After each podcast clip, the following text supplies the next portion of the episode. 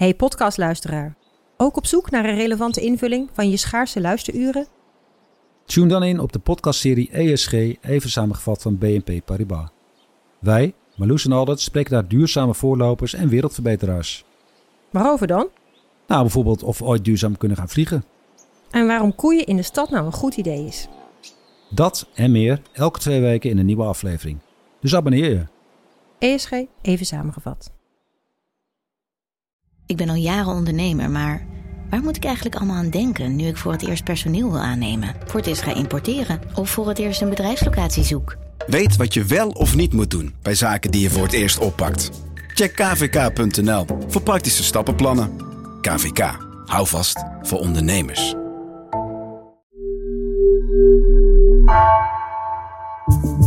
Vanaf de redactie van NRC het verhaal van dit jaar. Mijn naam is Floor Boon.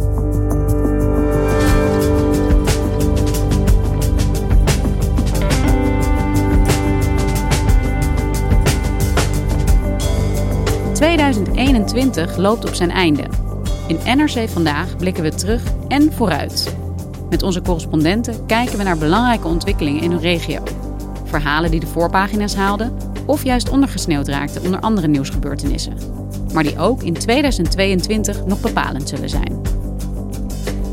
Vandaag de Verenigde Staten.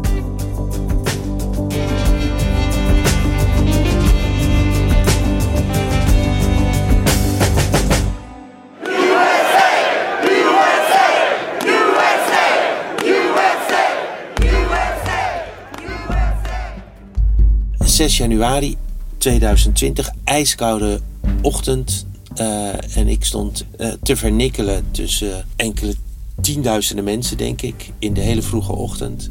Die zich op een heuvel achter het Witte Huis hadden verzameld. En het was het, was het zootje ongeregeld dat ik van eh, Trump-rallies kende.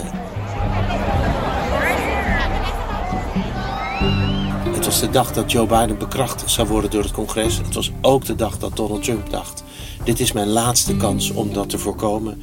En hij had eh, zoveel mogelijk aanhangers opgeroepen om hem daarbij te steunen. En wat hij deed toen hij ze toesprak, is zeggen: we trekken nu naar het kapitool en zorgen dat ze het goede doen. Right here, we're to walk down to the Capitol because you'll never take back our country with weakness. You have to show strength and you have to be strong. And we fight.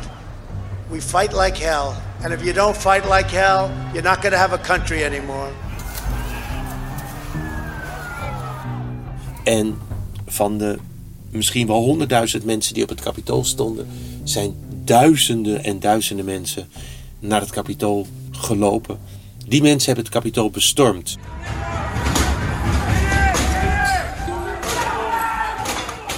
Ze zijn door de hekken gedrongen. Ze hebben de politie opzij geduwd. Ze zijn met de politie gaan vechten. Ze zijn het kapitool binnengedrongen. We're in, we're in, we're in, we're in. Let's go. Eén demonstrant is doodgeschoten van in het kapitool. Er zijn uiteindelijk vijf mensen omgekomen. eh, de meeste door een hartaanval. Ja, Bas, ik eh, kan me deze dag zelf ook nog heel goed herinneren van 2021. En ik denk eerlijk gezegd dat heel veel mensen, dat deze dag bij veel mensen in het geheugen gegrift staat. Jij bent correspondent, jij woont in Washington, hebt er ook het afgelopen jaar gewoond. Was dit nou de nieuwsgebeurtenis van de Verenigde Staten van het afgelopen jaar? Oh, zonder twijfel. Ja, dit, is, dit was een aanval op het hart van de democratie. Dat valt niet anders uit te leggen. Ja, zo leg jij het uit, hè? een aanval op het hart van de democratie. Maar leggen die bestormers het ook zo uit? Sommigen wel. Eh, enkelen doen het wel. Die hebben spijt betuigd voor de rechter en die, die zitten nu hun straf uit. Ehm, maar een grote, grote, grote meerderheid van de bestormers. En een grote meerderheid intussen ook van de republikeinse kiezers in het land. En mind you, dat waren de laatste keer 74 miljoen mensen. Die vinden dat niet. Die hebben het gevoel dat daar eigenlijk iets groots is geschied. Deze aanhangers waren bezield door, het, door, door de leugen van Donald Trump. Dat hij en niet Joe Biden uh, de verkiezingen wettig had gewonnen. En geladen met die desinformatie zijn die mensen destijds naar het kapitool getrokken. Omdat ze dachten, wij moeten hier de legitieme president steunen.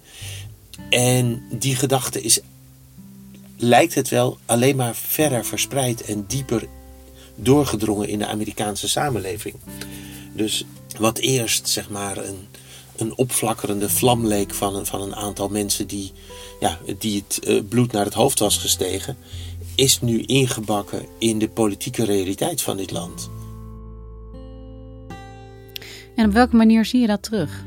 Oh, de impact is, is, is groot en meeslepend. Uh, een van de twee grote politieke partijen in dit land is compleet veranderd door deze leugen en door deze dag. Die kunnen de geschiedenis van deze dag niet meer van zich afschudden. Kan je dat uitleggen? Op welke manier is de, ja, is de partij daardoor echt zo veranderd? Eigenlijk zou je kunnen zeggen dat de Republikeinse Partij is gezuiverd van elementen die niet geloven dat de verkiezingen gestolen zijn. Eh, die mensen zijn de partij uitgebonjourd. En als ze nog in de partij zitten, zijn ze gemarginaliseerd. Ik sprak een senator, echt een ouderwetse republikein, jarenlange conservatief, Jeff Flake uit Arizona.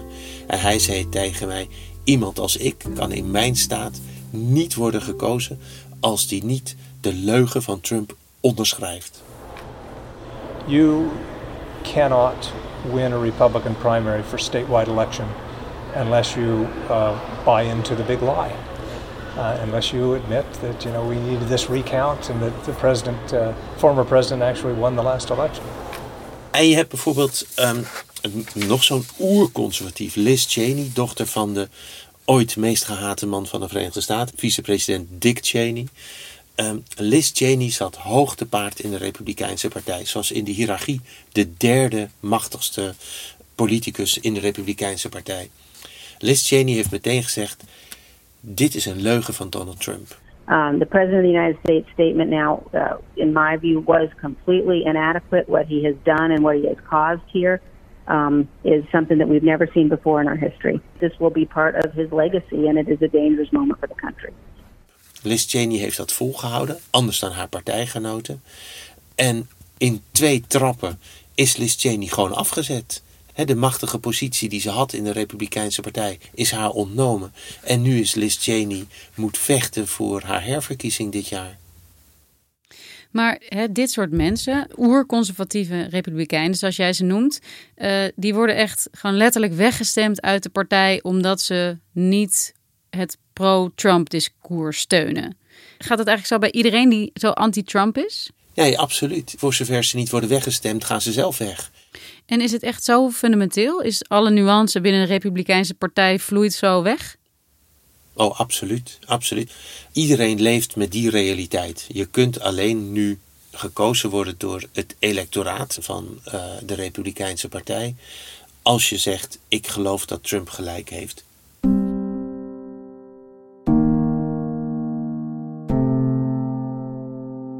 Zie je ook in hoe die Republikeinse politici zich gedragen, wat ze doen, dat de partij zo veranderd is? Nou, absoluut. Ten eerste houden ze die leugen dus vol en vinden ze Joe Biden een niet legitieme president. En het betekent ook dat ze zich gerechtvaardigd voelen om niets van Joe Biden te steunen. Joe Biden is een president die nauwelijks kan regeren, omdat de Republikeinen gewoon nooit, vrijwel nooit met hem meestemmen. Die partij is echt geradicaliseerd. Ah, en dat is een probleem. Bijvoorbeeld omdat ze die leugen van Trump over de verkiezingsuitslag inmiddels aanwenden om in een heleboel staten de kieswetten ingrijpend te veranderen. En ingrijpend te veranderen in antidemocratische richting.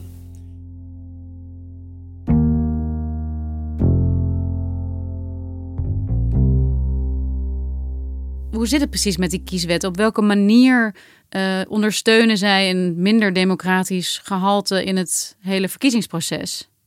In 19 staten zijn sinds de verkiezingen in 2020 en sinds Trump heeft verkondigd dat die verkiezingen één grote bron van fraude waren. In 19 staten zijn in totaal 33 wetten aangenomen die het kiesrecht beperken. Moet je even nagaan, een democratie waar mensen wetten aannemen die het kiesrecht beperken. En hoe doen ze dat dan? Wat ze bijvoorbeeld doen is, veel van de bepalingen in die wetten gaan over het stemmen per post. Je herinnert je, in coronatijd moest, kregen mensen ruimere gelegenheid om per post te stemmen. Dat is volkomen wettig in Amerika. Trump heeft van dat poststemmen ja, het speerpunt van zijn campagne gemaakt dat die allemaal voor Joe Biden waren. Dat het dus allemaal onwettige stemmen waren, ongeldige stemmen waren. Dus heel veel van die bepalingen in de, de nieuwe kieswet zijn gericht op het beperken van dat stemmen per post. Ehm, maar er zijn ook drie staten die domweg het aantal stemlocaties hebben beperkt. Dat betekent dat is een ontmoediging voor kiezers. De kiezersregistratie wordt gezuiverd zonder dat de kiezers daarvan op de hoogte worden gesteld. Dus kiezers moeten dan zelf bellen en vragen: ben ik nog geregistreerd als kiezer? Gewoon Amerikaanse burgers. En dan, oh nee, u staat er niet op. Oh jeetje, wat moet ik dan doen om er weer op te komen? Snap je? Dat zijn allemaal manieren om het electoraat te beperken. Oké, dus die kieswetten die maken het lastiger om te stemmen. Maar waarom zouden de Republikeinen daar baat bij hebben? Bij minder stemmen en bij het verlagen van de opkomst? Uh, Republikeinen zijn een um, minderheidspartij. Maar zij hebben kiezers die trouwer naar de stembus gaan dan de Democraten. Dus als ze erin slagen om de opkomst te verlagen, dan neemt hun electoraat relatief in aantal toe. Bijna alle maatregelen in die 33 kieswetten in 19 verschillende staten zijn erop gericht om het electoraat te verkleinen, om het aantal stemmen te verkleinen.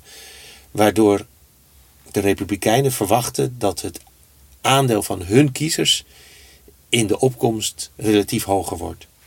Ja, en als we even uitzoomen, wat is de implicatie van al deze ja, ondemocratische kieswetten die nu op allerlei plekken worden ingevoerd?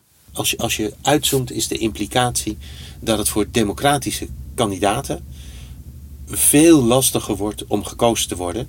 En dat is volgend jaar uh, gaan we zien of dat het geval is. Want in 2022 heb je de zogeheten midterm verkiezingen. Waarbij het hele Huis van Afgevaardigden opnieuw wordt gekozen. En ongeveer een derde van de Senaat. Uh, we zullen zien of de Democraten hun, hun, benauwde meerderheid kunnen houden. In het licht van al deze uh, kieswetten. die nadrukkelijk in het voordeel van de Republikeinen zijn geschreven. Ja, dit zijn dus allerlei wetten die allemaal in het voordeel zijn van de Republikeinen. Hoe staat het eigenlijk überhaupt met de Democratische Partij? Ja, de Democratische Partij in de VS heeft nu een kleine meerderheid in het Huis van Afgevaardigden en geen meerderheid, namelijk 50-50 in de Senaat. En die kijken met angst aan beven naar de volgende verkiezingen. En president Biden pas. Ik bedoel, we hebben het gek genoeg, uh, terwijl Biden president is, alweer meer over Trump gehad hier. Maar Joe Biden is de president van de Verenigde Staten. En hij zei bij zijn aantreden dat hij het land zo graag weer wilde verenigen. Lukt hem dat ook? Nee, voorlopig lukt hem dat, dat niet. En er zijn verschillende factoren die daar, uh, die daar een rol bij spelen. Nou, de politieke reden is dat de republikeinse tegenstanders van Joe Biden die verdeeldheid koesteren en daar politiek goud in zien. Letterlijk, dat zeggen ze ook. Dit is een goudmijn voor ons. Hij heeft ook te maken met een heel agressief medialandschap in de Verenigde Staten. Aan de rechterkant wordt Biden eigenlijk voortdurend aangewezen als een verkapte socialist of als dement. Ik bedoel, je moet, je moet eens weten hoe vaak mensen hier op tv zeggen dat Biden dement is en niet meer uh, in staat is om te regeren. Joe Biden has dementia. It's obvious to everyone, which is why US President Joe Biden, well, he continues to demonstrate his non-public dementia diagnosis almost every single day. He also has been maintaining for quite some time that Joe Biden is suffering from dementia, can't make a coherent statement, that he'll get lost in his own words. Maar ook, ook zeg maar meer in het midden van het medialandschap is er een neiging om de verdeeldheid van de Amerikaanse maatschappij aan te zetten. Derde omstandigheid van Biden is een soort samenklontering van crisis waar hij mee te maken heeft. We hebben hier nog altijd last van de coronapandemie. We maken ons op voor een zware winter. Je ziet in de noordelijke staten zie je de kaart echt alweer rood kleuren van het aantal besmettingen. Uh, we hebben begin van deze maand is ook de Omicron variant in Amerika geconstateerd. Dus dat is echt nog niet over.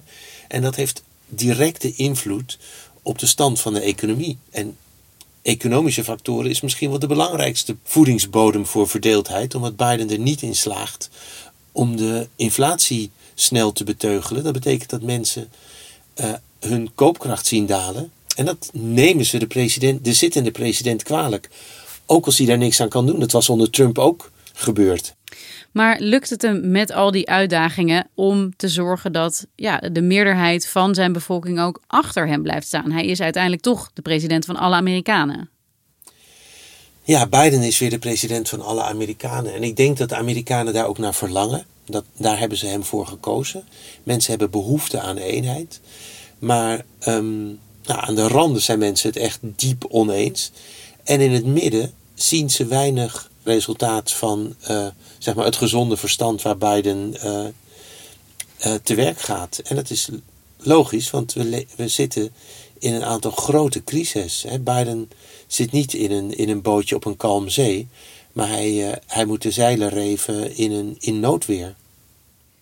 Ja, dat is geen gemakkelijke opgave voor Biden. En met het oog op komend jaar en de verkiezingen, ja, eh, glazen bol, vooruitkijken. Maar gaat hij hier nog uh, iets van kunnen smeden het komende jaar? Ja, weet je, laten we niet proberen te voorspellen. Maar mochten de Democraten hun krappe meerderheid in het huis en hun helemaal geen meerderheid, maar hun gelijke stand in de Senaat verspelen bij de komende verkiezingen, ja, dan heeft Joe Biden, uh, dan, kan hij eigenlijk zijn, zijn bureau leegvegen. Want dan zal er van, uh, van plannen door het parlement krijgen in Amerika niet veel meer komen. Dan is, een, dan is hij twee jaar lang een lame duck, ben ik bang. We begonnen dit verhaal natuurlijk met 6 januari 2021, de grote nieuwsgebeurtenis waarbij het kapitool werd bestormd. Um, zie je de erfenis van die dag ook nog terug nu we richting die volgende midtermverkiezingen gaan in de VS?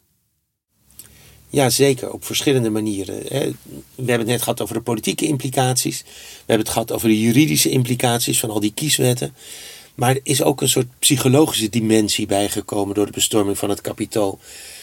De aanhangers van president Trump, de mensen die in de volgende ronde ook weer zullen gaan stemmen, en een hele belangrijke stem zullen hebben, hebben laten zien dat ze bereid zijn geweld te gebruiken. Swinging bats, throwing punches, poles and even crutches. In one case, even using what appears to be an electric prod. The FBI releasing edited and enhanced videos to put the spotlight on a group of men who they say committed some of the most brutal attacks against law enforcement during January's insurrection at the Capitol. What happened next was chaos They broke the glass? Insurrection. Take it now! Treason! Treason! Death. Wat ik zo bijzonder vond aan 6 januari, hè, dat is een, een kolossale historische gebeurtenis in een land. Wat zie je nou meestal? Ik bedoel, denk, aan de aanslagen van 11 september. Uh, of denk aan, denk aan, de, aan de maanlanding. Dat zijn momenten dat de, de hele natie aan de tv gekluisterd zit om te kijken naar iets, wat, naar iets groots wat zich daar ontrolt. Dat brengt een land meestal samen. Daardoor hebben mensen meestal het idee van we horen hier allemaal bij elkaar. Ik dacht werkelijk dat dat na 6 januari ook zou gebeuren. Ook omdat de eerste reacties daarop, daarop wezen. Ook belangrijke republikeinse leiders zeiden: Dit kan niet, dit is een schande. We gaan nu onverkort Joe Biden uh, bekrachtigen als president. En dan gaan we verder als één land, één Amerika. Maar binnen no time, binnen een paar dagen, zag je daar opeens basjes ingeslagen worden. En gingen mensen de betekenis van die dag veranderen waar je bij stond.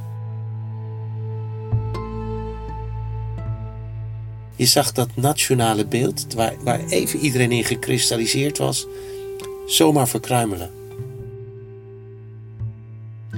Dus jij acht het ook niet onwaarschijnlijk, Bas, dat 6 januari 2021 over 10 of 20 jaar nog steeds als een soort markeringspunt zal blijven bestaan van als we terugkijken op ja, het begin van de jaren 20 van deze eeuw.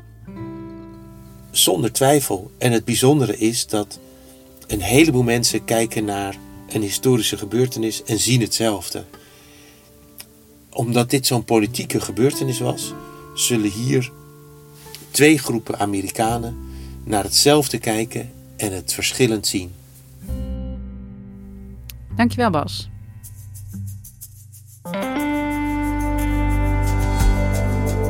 Je luisterde naar vandaag, een podcast van NRC. Eén verhaal, elke dag. Deze aflevering werd gemaakt door Nina van Hattem en Jennifer Patterson.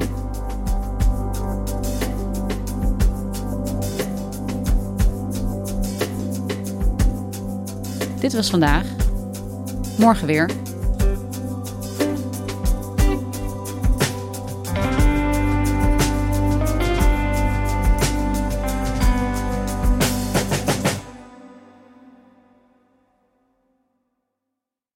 Technologie lijkt tegenwoordig het antwoord op iedere uitdaging.